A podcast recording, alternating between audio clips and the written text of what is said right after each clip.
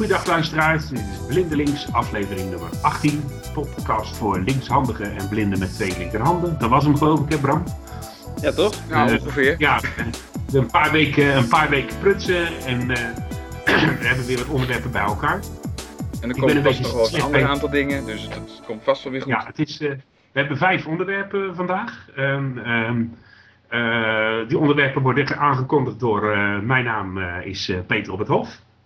En mijn naam is Bram de Vigneault. En mijn naam is Tim de Weest. En met drieën vormen wij nog steeds de Blindelings podcast crew. En we merken toch wel dat de winter een beetje op onze stembanden is geslagen. Nou, inderdaad. Waarvan akte. Ehm daar gaan we vandaag eh, bij stilstaan.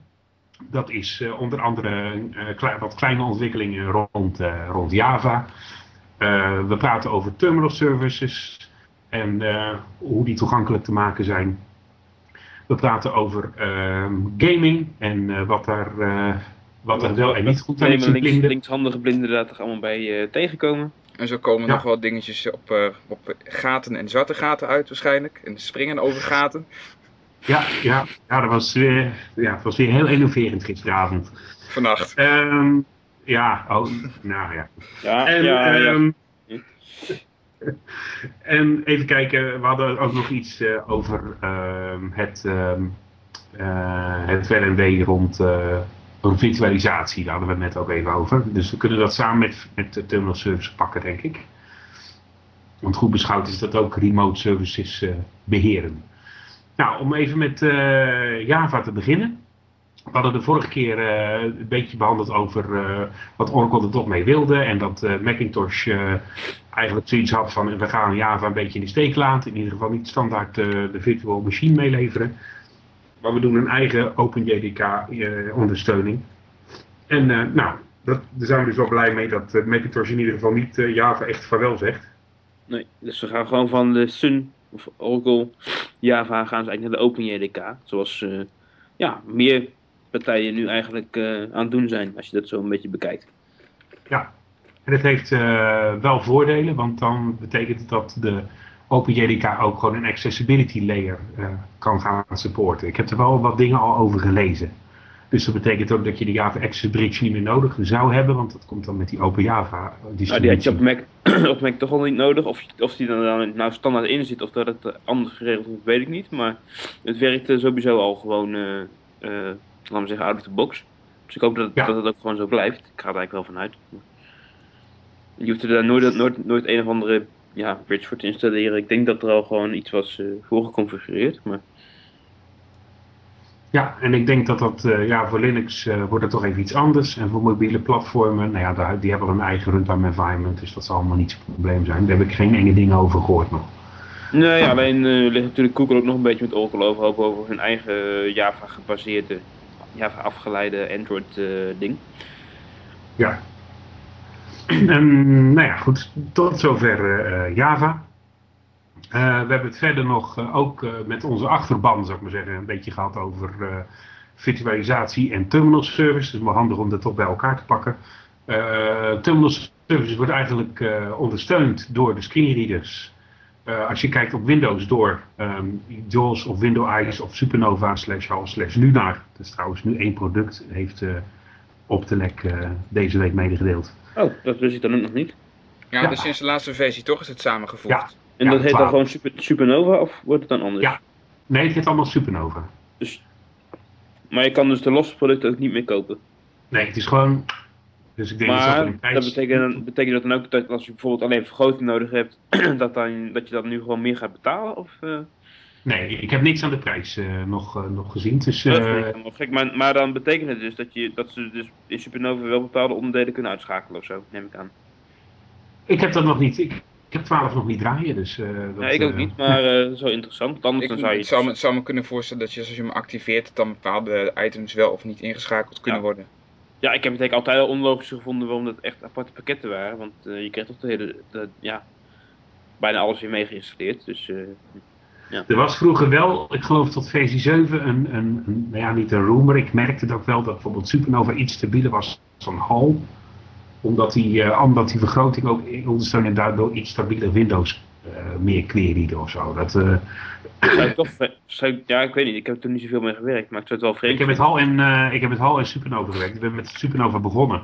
Toen ik van ja, wat onzin. Elke keer moest ik elke keer die, die, die letters klein zetten. Want pre-installed staat de magnifier Ja. aan. En daar heb je natuurlijk niks aan. Nee, en uh, er kwam mijn vrouw weer binnen. En ze zei, hé, hey, waarom is je muis zo, eh, zo groot?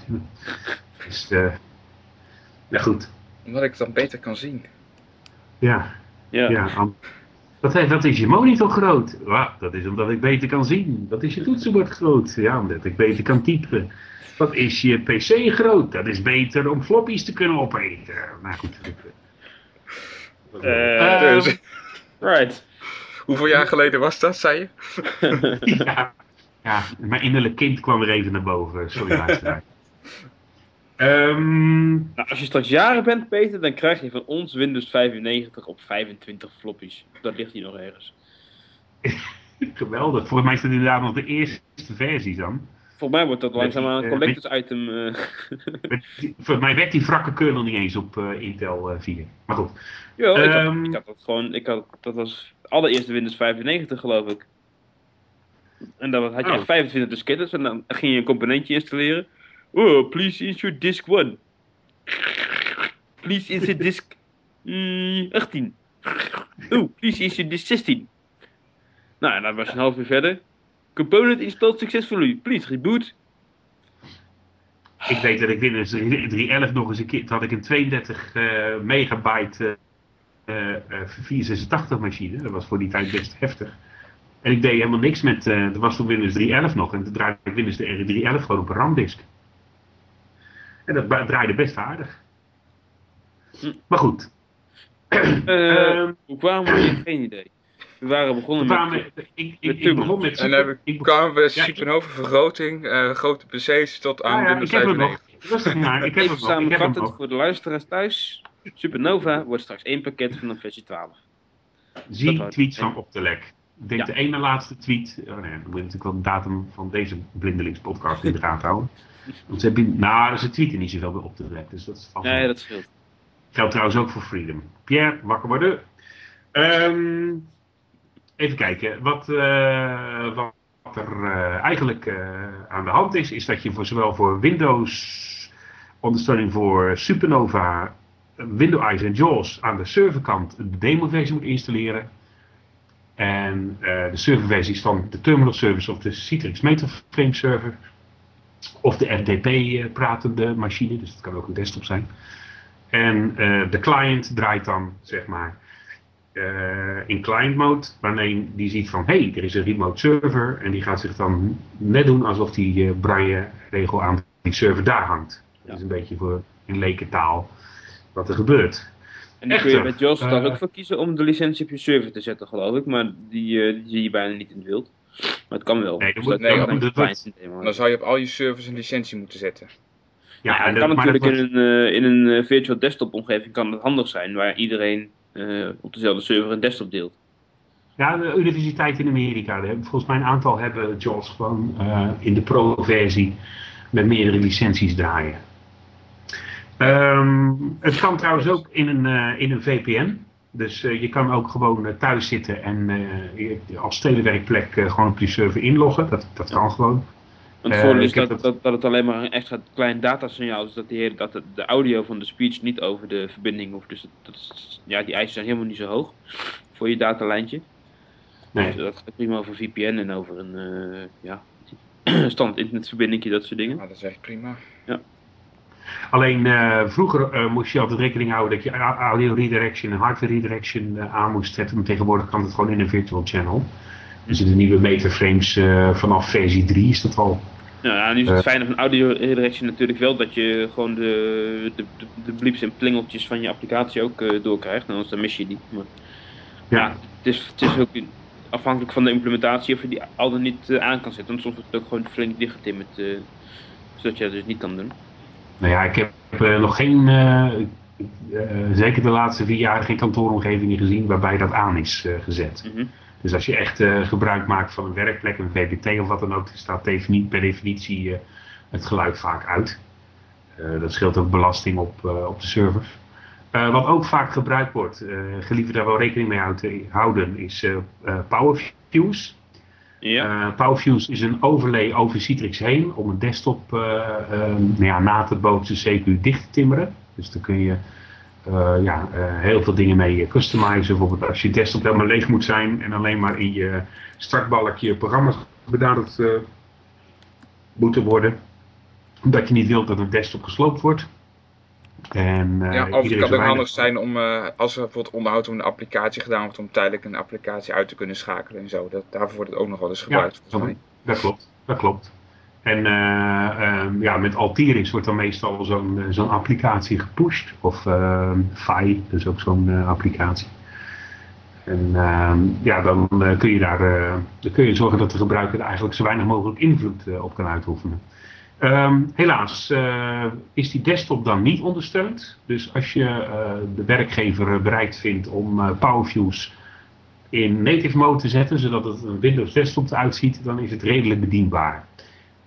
wat ik op diverse werkplekken heb aangeraden is om een scriptkit van PowerFuse te gebruiken en alleen de scripts te doen, die dus op de desktop bedienen, maar voor de rest de visualisatie van PowerFuse niet te gebruiken. Is die PowerViews toegankelijkheid ook nog uh, verschillend per screenreader, weet je dat? Of, uh... Ik heb het alleen met JAWS uh, kunnen testen. Okay. met Windows nog niet. Okay, met Windows, Ik hoor namelijk van, ik heb het namelijk ooit van GW Micro gehoord, dus ik heb het zelf ook nog niet kunnen testen, dat, ja. dat ze in, in de USA wel een aantal van die PowerViews, wat meer geavanceerde PowerViews setups met Windows hebben draaien. Ja. Waar mensen met, met JAWS wat moeite hadden met, met licentietoestanden. Ja. Dat je dan op elke client een licentie zou moeten, moeten voorzien en zo. En ja. uh, Windows die biedt daarvoor in principe een soort ja, uitzondering. Dat, je, dat ze zeggen, ja, je hebt, je hebt één licentie bijvoorbeeld. Of je hebt er twee voor twee gebruikers of nou ja, voor je aantal gebruikers. En die uh, doen we gewoon op serienummerbasis en dan halen we, laten we gewoon de online activatie achterwege. En uh, zo, zo krijg je dus geen gezeur met, met heel veel clients die, die op diezelfde desktop gaan werken. Maar okay. ik, weet, ik weet niet hoe het in de praktijk werkt hoor. Ik weet alleen dat, okay. dat ze daar wel redelijk soepel in zijn, uh, licentietechnisch. Nou ja, goed, Windows en JAWS zijn echt uh, koplopers. Want uh, heel veel mensen roepen wel over Supernova. Van, ja, dat kan ook op een Citrix server. Maar ik heb dat niet al te vaak goed zien werken. Maar daar ben ik geen maatstaf. Want um, ja, ik, misschien zoek ik ook mijn onderzoeksobjecten wat uh, nauwkeuriger uit. Uh, dus dat is, uh, pin me daar niet op vast. Het zou heel goed kunnen zijn dat het redelijk stabiel werkt. Er zijn overheidswerkplekken van, die op de lek opgeleverd hebben, die, die we wel degelijk stel, stabiel draaien. Dus als er mensen zijn die me ons daar wat meer informatie over kunnen geven, dan graag.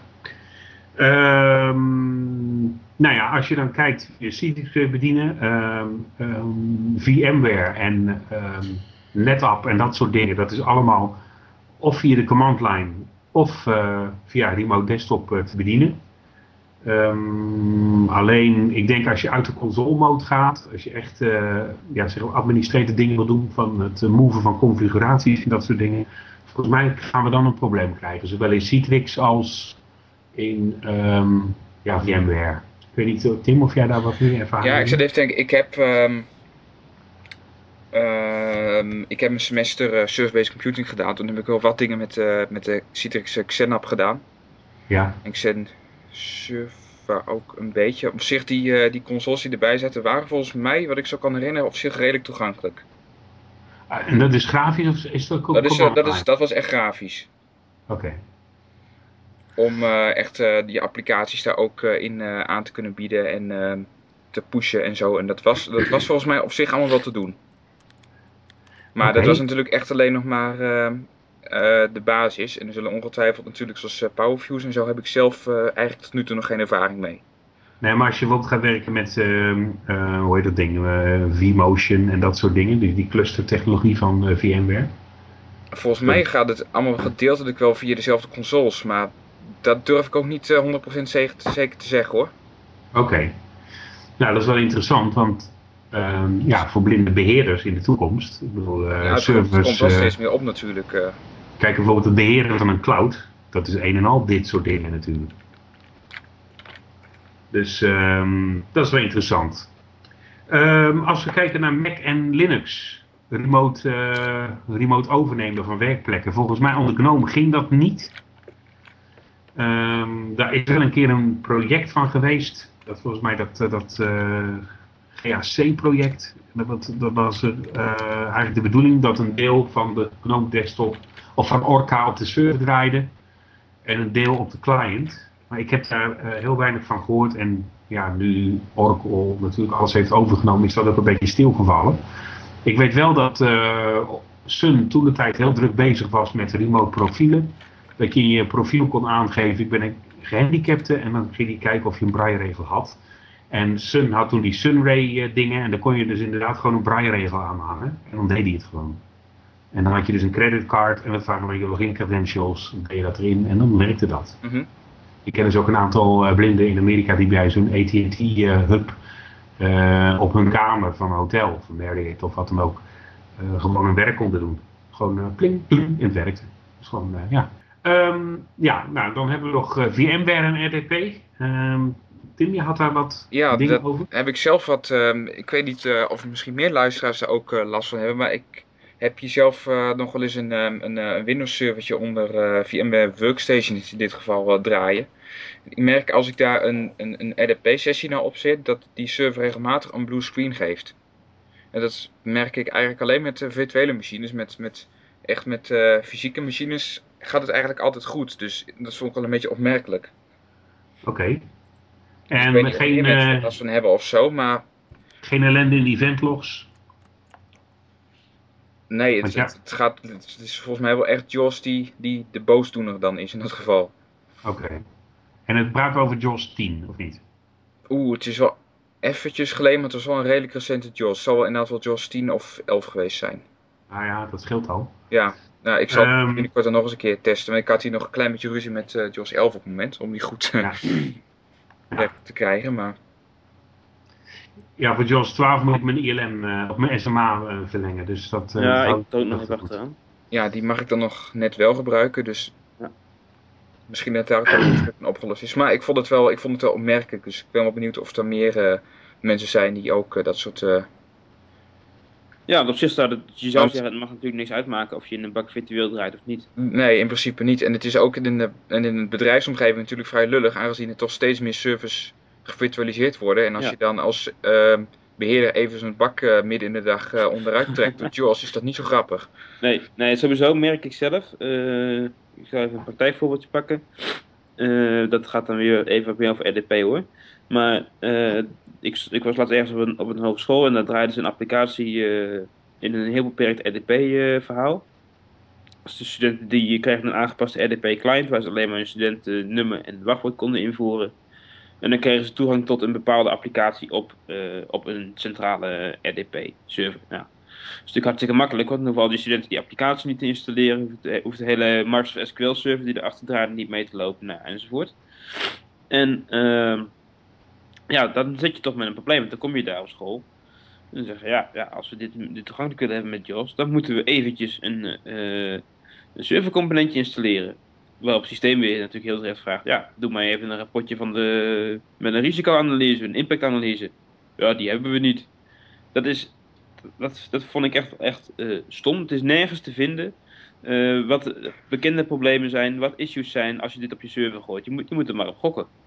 En ja, dan kun je zeggen, ja, je moet natuurlijk een testomgeving hebben. Maar goed, op zo'n hogeschool was een applicatie gewoon voor studenten draait en waar eigenlijk nooit iets, verder iets mee gebeurt. Ja, daar, daar is geen testomgeving van dit hele, hele ding. Dus toen hebben we uiteindelijk maar besloten om voor die studenten de applicatie lokaal te gaan draaien. Want dat kon in dit geval dan ook wel weer prima. Eh, maar het is natuurlijk niet, niet handig dat er gewoon geen fatsoenlijke documentatie is wat er, eh, eh, wat de impact is als je zo'n servercomponent installeert. Want het, het, het graaft redelijk diep Ja. in je, in je RDP-stack. Ja, dat hebben we ook eh, op een eh, eh, stageplek, was voor mij ook een keer nodig om, ehm, om een keer een, eh, te bekijken. Toen hebben we eerst voor de fun eens op een testmachine gekeken in wat, wat JOS nou allemaal aanpast. Maar je schrikt op zich best wel hoe, als je dat voor de eerste keer ziet, hoe diep dat inderdaad erin hakt. Ja. Ook in je, in je kernel en dat soort, dat soort dingen. Dus ik kan me best wel voorstellen dat ICT-afdelingen die er niks mee gedaan hebben, die best zeggen van, ehm, dat die dan even een keer slikken. Ja, ik vind het ook wel terecht dat, dat men het aangeeft. Ik bedoel, Kijk, als je voor één student misschien voor een paar jaar eh, je hele systeem daarop aan gaat passen, ja, dan wil je gewoon weten wat dat voor impact heeft. Maar eh, ja, het is dus wel lastig dat je, dat je die mensen gewoon geen fatsoenlijke informatie kan geven. Want er is gewoon heel weinig over te vinden. Ja, natuurlijk wel hoe je het installeert, klik op niks en klik op dit en klik op dat. Maar ja, dat, dat is niet, niet wat je dan zou willen hebben. Nee, dat klopt. En op het werk eh, wordt het trouwens ook steeds meer zo dat je en van database kennis en van eh, systeemkennis eh, notie moet hebben. Eh, dus je moet heel goed ook kijken van wat kan ik slim op de command line, eh, wat kan ik slim met een logparser en wat kan ik slim eh, echt in de grafische schil. Want dat, wordt, ja, zeker als, eh, als ik kijk naar eh, die nieuwe ontwikkelingen rond eh, Oracle Fusion en Exabyte en eh, nou ja, noem maar van die eh, ontwikkelingen. Dat is allemaal eh, heel veel informatie. En dan, moet je, ja, dan verlies je gewoon heel veel tijd door, Ja. eh, door het scherm helemaal af te moeten lezen. Dus je moet steeds, eh, nou ja, ik zou bijna zeggen, het nieuwe werken voor blinden. En, en, wat, en wat als beheerder ook nog, nog wel slim is, denk ik, dat merk je ook zelf wel. Heel veel beheerders die pakken dan even snel een, een, een RDP-sessie naar een server, omdat daar al die beheertools staan. Ja. Heel vaak kun je ze natuurlijk ook gewoon lokaal installeren. En dan kun je ook gewoon naar je server toe. Ja, Dat en is dan dan moet, je wel makkelijk. dan moet je er wel toestemming voor vragen, want het is niet standaard. Dat vinden mensen altijd wel lastig. Als je eh, iets doet wat afwijkt en dan moeten ze weer beslissingen overnemen. Ja, En, maar vaak zijn het ook wel gewoon, ook gewoon standaard tools die ook gewoon gratis zijn. Dus die, dat dan vaak in een redelijk, vooral in een wat kleiner bedrijfje, als, als ICT'er zijnde zelf, is dat vaak niet zo'n probleem. Mhm. Oké, nou we verder de laatste tijd ehm, over hebben gehad, was eigenlijk het ontwikkelen van audiogames voor eh, visueel gehandicapten. We hebben al eens over de Wii gehad. Maar we hadden ehm, eigenlijk eh, van Blast Bay hadden we wat games gedownload. Eh, ik in ieder geval. Ehm, hoe kwam dat eigenlijk? Ja, nou ja ehm, een mailtje op een op, eh, blind forum en doorgestuurd. Nou, moeilijk moeilijk. Ehm, van hey, deze spellen zijn minder bekend. Ehm, er zijn ook weinig reviews op Blind Pool Tech en dat soort dingen. Dus ik heb eh, Q9 eh, een beetje zitten spelen, demo. En eh, ontdekt dat het springen toch wel heel erg lastig was. Ehm, ik heb, we hebben Entombed een beetje ontmanteld. Nou, ik merk toch wel dat, het, dat mensen vol vuur iets gaan ontwikkelen en dan gaandeweg neemt de energie af. Ja, maar ja, het zijn ook allemaal van die eenmansprojectjes vaak, hè? Ja, Er zijn echt heel weinig eh, games die door meer mensen in elkaar worden gezet, volgens mij. en het is eh, vaak Visual Basic 6 eh, of Ruby on Rails. Of .NET. Of ja, .NET. Ja, nou ja, dat heb ik dan nog liever. Maar ik zag alweer dat sommige spellen het niet meer deden. Want die deed een ActiveX call en die doet sowieso niet op Windows 7. Ja, nee, dat is niet handig. Dat is weer drie kwart van de spellen die op mijn oude XP-bak geïnstalleerd moeten worden. Ehm, dus ja, dat is. eh, ja. Maar, het, Ja, maar ik het denk, is ook altijd een beetje jammer dat, eh, eh, ja, wat ik zeg, het zijn vaak van die eenmansprojectjes en of het komt niet, eh, niet helemaal af. Of eh, ja, na een tijdje gaat toch de, de snelheid er een beetje uit. Of, eh, ja, of je, je, je gaat je gewoon zitten ergeren aan gewoon, gewoon fouten die erin zitten die, eh, die je gameplay eh, een beetje verpesten. eh, Tim, jij speelt het minst van ons drieën spellen, geloof ik. dat op denk ik mensen, ook, ja. mensen speel je inderdaad, ja. Ja. ja. Nou ja, de, online games, eh, ja, daar is natuurlijk eh, veel minder mis mee. Eh, de text adventures, role-playing games, de multi-user Dungeons Dragons. Daar kan niet zoveel mee fout, want dat spelen zien er ook. Dus dan heb je sowieso meer ontwikkelaars. Ehm, er zijn een aantal flash games, onder andere Sonic Kids is daar toch wel aardig in geworden. Het is heel grappig dat die games van Accessibility, van Bartimeus, die worden nog steeds overal genoemd. Maar dat zijn inmiddels voor een hele hoop dead links volgens mij. Ik weet niet of die, of die nog draaien eigenlijk. Dat is ook alweer jaren geleden natuurlijk. Ratje Prak en zo. Ja, voor mij heette de, Engelse versie heette toen ook Ratje Prak, toch? Geloof ik. Ja, ja dat klopt, ja. Dus wel, Ja. Dat, was wel, dat was wel grappig. Maar die flash games, ja, ik denk dat dat toch wel... eh, eh, zeker in HTML5 is er veel meer mogelijk daarmee. Ja, nou, dat is ook mijn theorie, denk ik hoor, voorlopig. Omdat, ja, als ik, als ik even even uit naar mijn eigen ervaring kijk, je kan bijvoorbeeld nu in HTML5 kun je dus heel leuk eh, met audio en videotext eh, geluid doorgeven. Ja. En dat kun je dan allemaal eh, ja, besturen met JavaScript en dat kun je allemaal wel aardig aansturen. Maar je hebt gewoon, gewoon heel weinig controle over, hoe zeg ik dat nou, over bijvoorbeeld als je, als je kijkt naar, naar de webgames die je dus, dus in Flash ziet, dat, dat is gewoon ja, keyboard input gekoppeld aan, of muis input gekoppeld aan, aan audio output. Ja. En eh, je zit nu met HTML5 nog met heel veel eh, verschillende browser issues. Bijvoorbeeld audio, video tags. Ja, de ene browser die snapt mp3'tjes. De andere die snapt uh, Vorbis. Firefox die doet alleen maar Vorbis. Ja, en zo, zo, gaat dat maar door met die verschillende codecs en toestanden. En je zit ook met een klein timingprobleem. Want als je alles in JavaScript doet, dat is redelijk intensief. En de ene browser die kan het wat beter trekken als de andere. Dus je, je zit denk ik ook voorbereid met een timingprobleem in je, in je spelletjes. Um, ja, maar ik realiseer mij nog iets anders. Dat is uh, gewoon aansturing van geluid, meerdere geluiden tegelijkertijd. Dingen synchroon laten lopen. Nou ja, daar kun je ja. Best, ja. best wel. De met Smile kun je natuurlijk wel wat doen, of Smil. Um, da, daar wordt ook nog steeds aan ontwikkeld. En het voordeel daarvan is dat het een academische taal is. Dus dat is dan ook wel uh, een lang ja, leven. Het is ook volgens mij gewoon een standaard inmiddels, toch? Of is het een W3C ja. recommendation? Daar wil ik even vanaf zijn. Maar het is... Uh, Iedereen weet ongeveer wel hoe die, wat hij ermee moet, laat maar zeggen. Maar... Ja, nou volgens mij is wel het, het begin van een echte open standaard. Ja, nou natuurlijk is, is Daisy er al opgebouwd, dat wat een grote, grote plus is. Ja. Dus uh, als we naar de games kijken, ja, uh, zijn er dan uh, spelraamwerken of frameworks, dat, dat RDS had je, hè? Dat, of RBS, wat is dat? Die engine waar je strategische spelletjes kon bouwen. Ja, dat was niet echt een engine volgens mij. Dat, het is een strategisch spelletje, Sound RTS. Ja. En uh, je kon daar geloof ik wel eigen maps uh, maken. Dus dan kon je allerlei objectjes uh, op bepaalde vakjes zetten en nou ja, noem het maar op. Maar je kon er niet, niet complete games mee maken. Oké, okay, want ik, en, en Accessibility had ook een eigen XML. Ja, dat is een uh, afstudeerprojectje geweest geloof ik van ook de, de gasten achter Sneller en AudioGames.net onder andere, als ik me goed Ja. herinner. Mhm. En uh, dat, dat was eigenlijk een, een soort game uh, generator waar je een aantal objecten op, op het gameveld kon plaatsen. Allemaal, ik zou bijna zeggen met een grafische interface, maar het was dus een, een audio interface. Ja. En je plaatst bijvoorbeeld een timer of een, ja, een, een iets, een, een, trigger en dat soort dingen allemaal. Die zet je op een bepaald vakje. En dan kun je dan weer acties aan koppelen en dat soort dingen. En het programma genereert op een gegeven moment een een XML-bestand wat eigenlijk dan je hele game definieert met bepaalde sound resources erbij en zo. En daar kon je dan een extra van maken. Maar het, ja, vol, ik heb er eigenlijk heel weinig uh, echte gameplay gezien. Omdat het volgens mij ook, ja, het werkt wel. Maar het is, het is gewoon een heel tijdrovend proces om je hele game via een, een interface in elkaar te klikken natuurlijk. Ja. Dus ik denk, ja, ik vond het een leuk uh, iets, maar het is, het is wel weer jammer dat, het, dat er nu weer niks, niks verder mee gebeurt. Want op zich, uh, ja, het, het, is op zich best wel een leuk idee om iedereen dus die games te laten maken. Maar ik denk dat je snel tegen de beperkingen aanloopt en je bent gewoon heel lang bezig om iets in elkaar te, te klikken. Dat vond ik dus wel uh, jammer. Ik heb trouwens voor mijn eigen, ik heb zelf tijdens de opleiding een keer een klein vak over gaming uh, gedaan. Ook uh, game theorie en dat soort dingen, omdat ik dat wel leuk vond.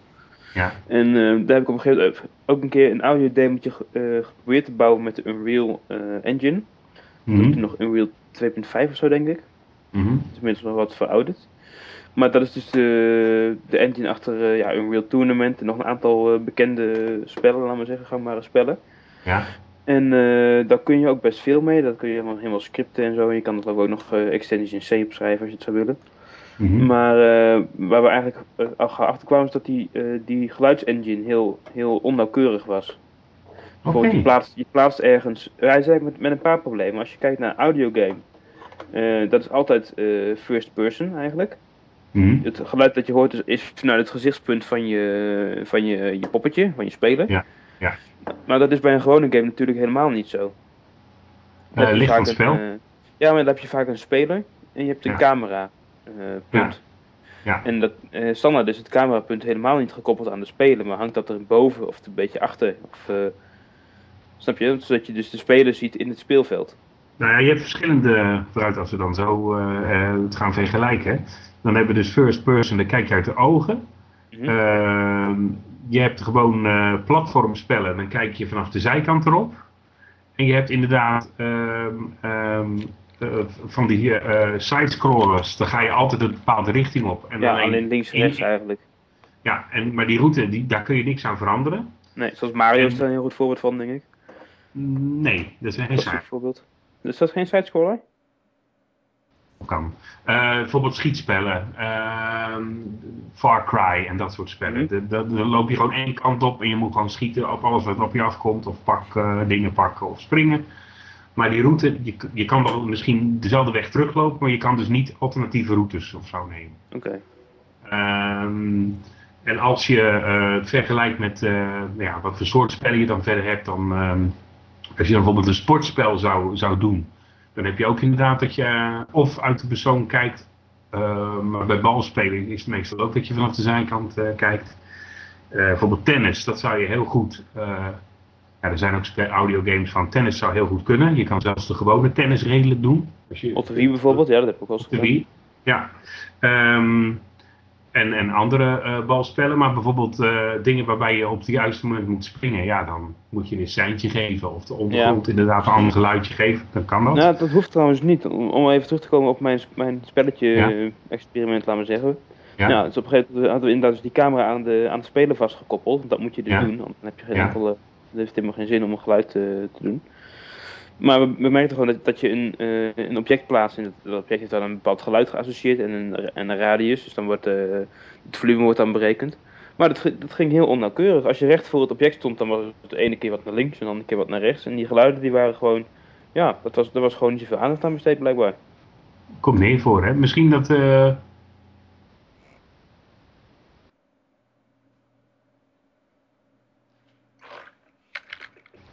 Want hebt audio kweek. Dat was de versie.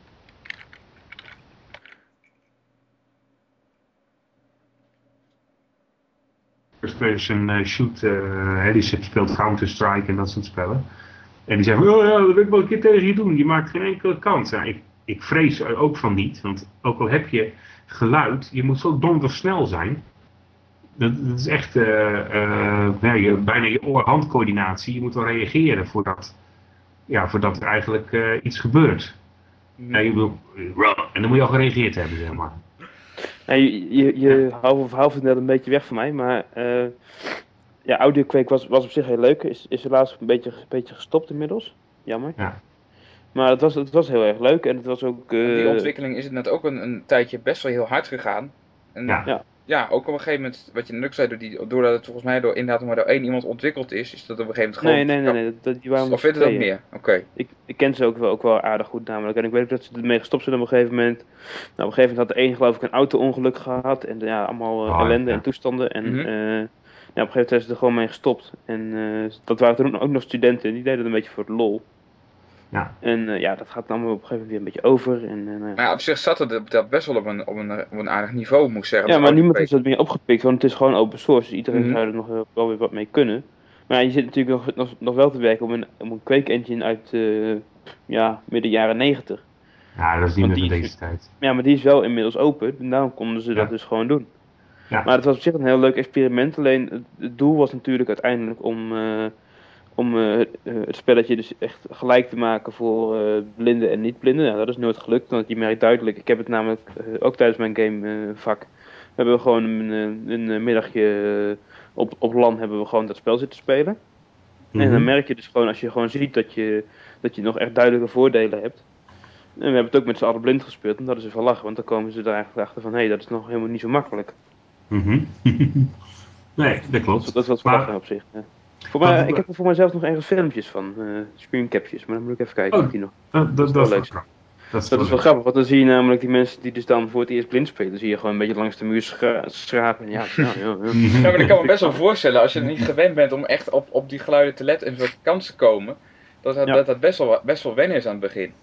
Ja, nee, we hebben er wel lol mee gehad. eh, Ja, dat geloof ik best, maar dan denk ik dat je ook heel snel schuin loopt in plaats van recht en zo. Dat, dat soort dingen, als je daar Ja. niet op let. Maar wat ik, wat ik een heel mooi voorbeeld vind van een spel waar, eh, waar veel minder eh, triggers in zitten, wat echt uitdaging biedt als in de categorie shooter, dat is eh Technoshop. Ik weet niet of jullie dat wel eens gespeeld hebben. Technoshot? Eh, Nee, ja, ik ken Technoshock. Oh, Technoshock. Eh, nee, dat liep, liep het vast. Er was iets mee. Oh, dat is jammer, dat is, dat is wel een heel vet spel. Ik heb, Ja. ik heb hem niet uit kunnen spelen, omdat hij zo moeilijk was. Oké, want ik heb bijvoorbeeld Mudsplat. Ik weet niet of jullie dat kennen. Dat is een soort Space Invaders-achtig, maar die, waar die geluiden ontzettend goed van. En dat, dat klopt ook wel, de sound designers. Er waren echt wel geluiden bij waarvan ik zoiets had van, hm, die klinken wel een beetje creepy. Eh, ik ben een Ja, nou ja, bij, dus, eh, bij eh, Technoshock waren de geluiden niet heel fantastisch. mhm. Maar de gameplay is, is echt super goed gedaan. Bijvoorbeeld, je begint eh, ergens in een, eh, eh, in, een, in een ruimte met een, met een deur waar je niet doorheen kan.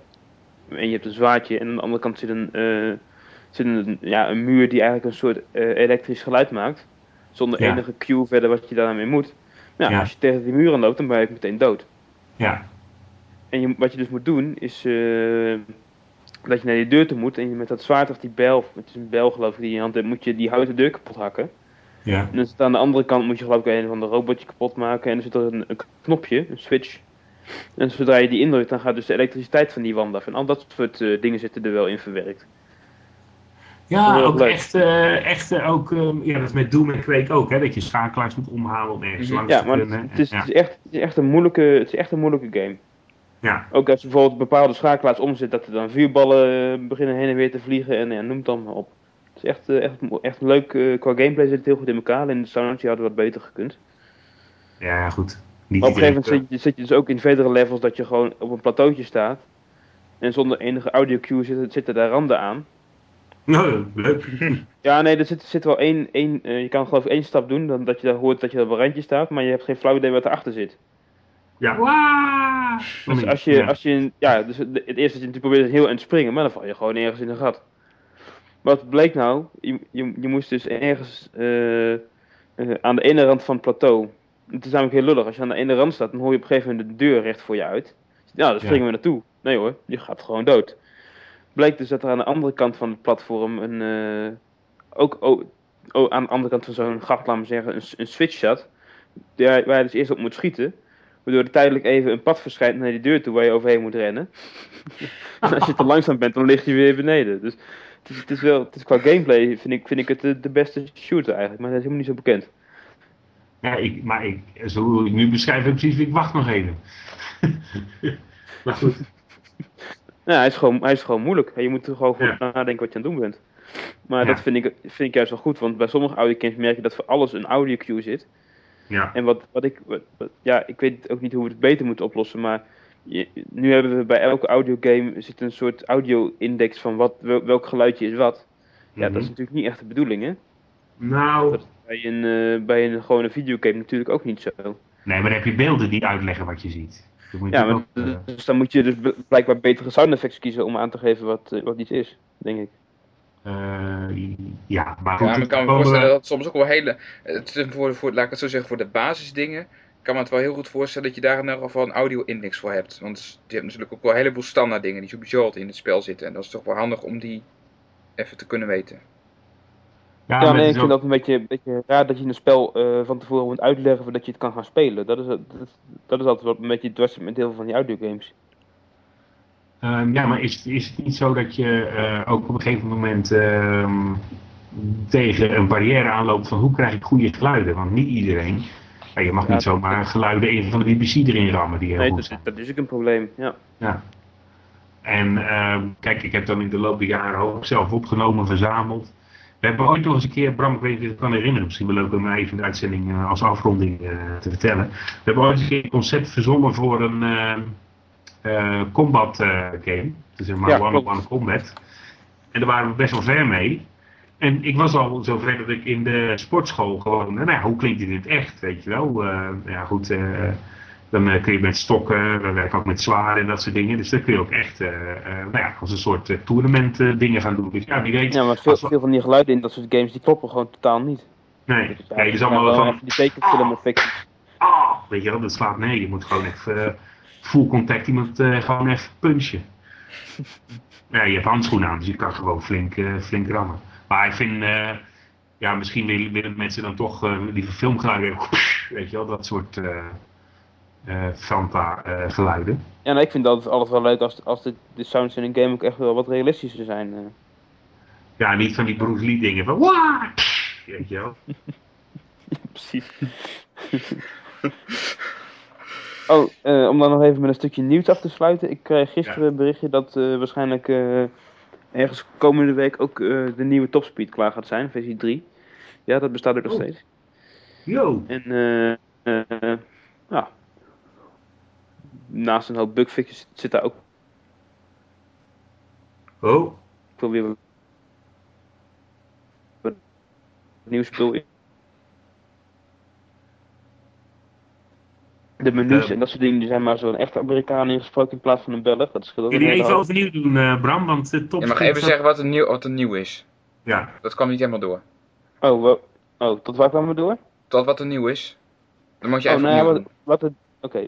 Wat er dus nieuw is, eh, een aantal nieuwe, nieuwe auto's en een aantal nieuwe, nieuwe eh, race eh, tracks.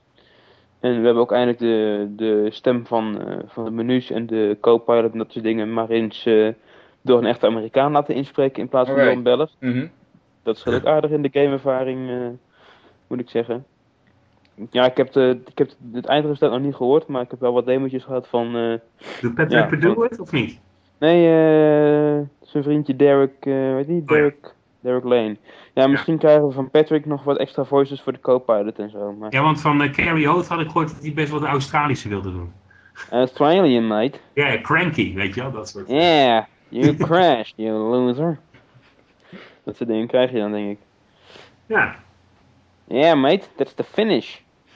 Eigenlijk moet we ook nog een Duitser laten inspreken. Lijkt me ook wel lachen. Oh, dat Moet is je gaan een keer weer varen, ja. Sneller bieten.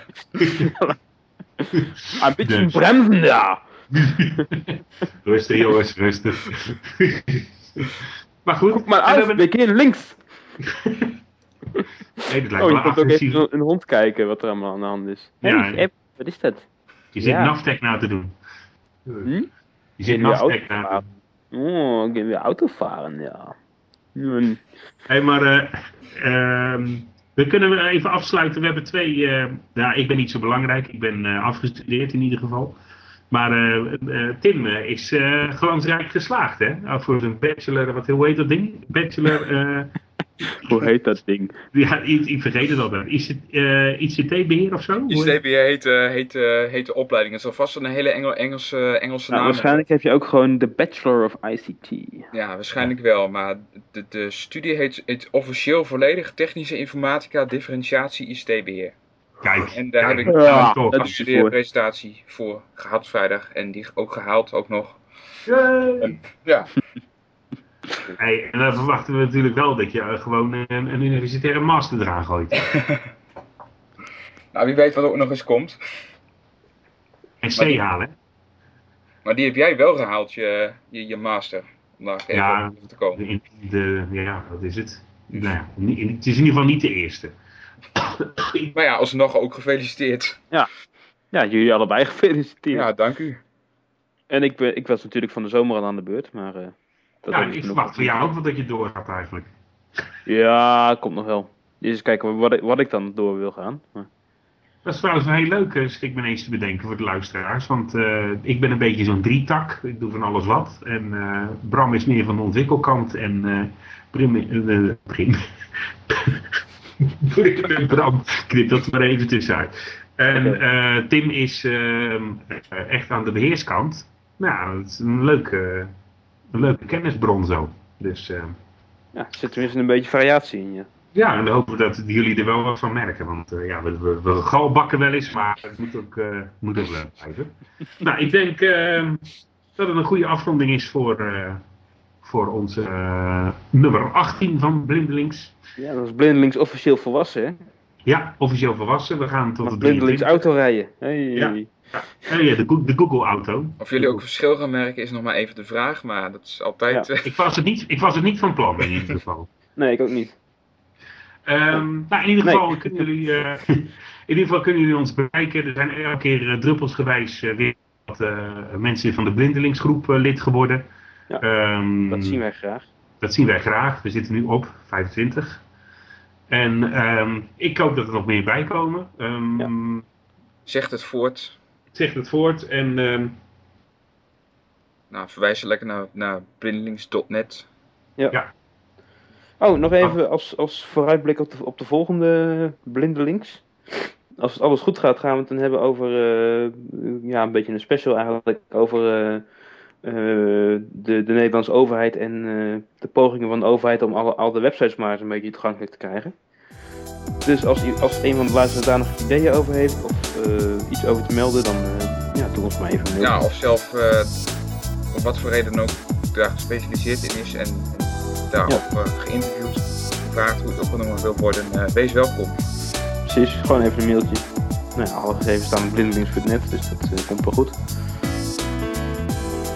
Dan zou ik zeggen, eh, bedankt voor het luisteren. En tot de volgende keer. Ja, tot de volgende keer. Peter is niet meer. Die kan geen tot de volgende keer meer zeggen. Nee, Peter die had weer niet ver genoeg gesprongen over een gat, denk ik.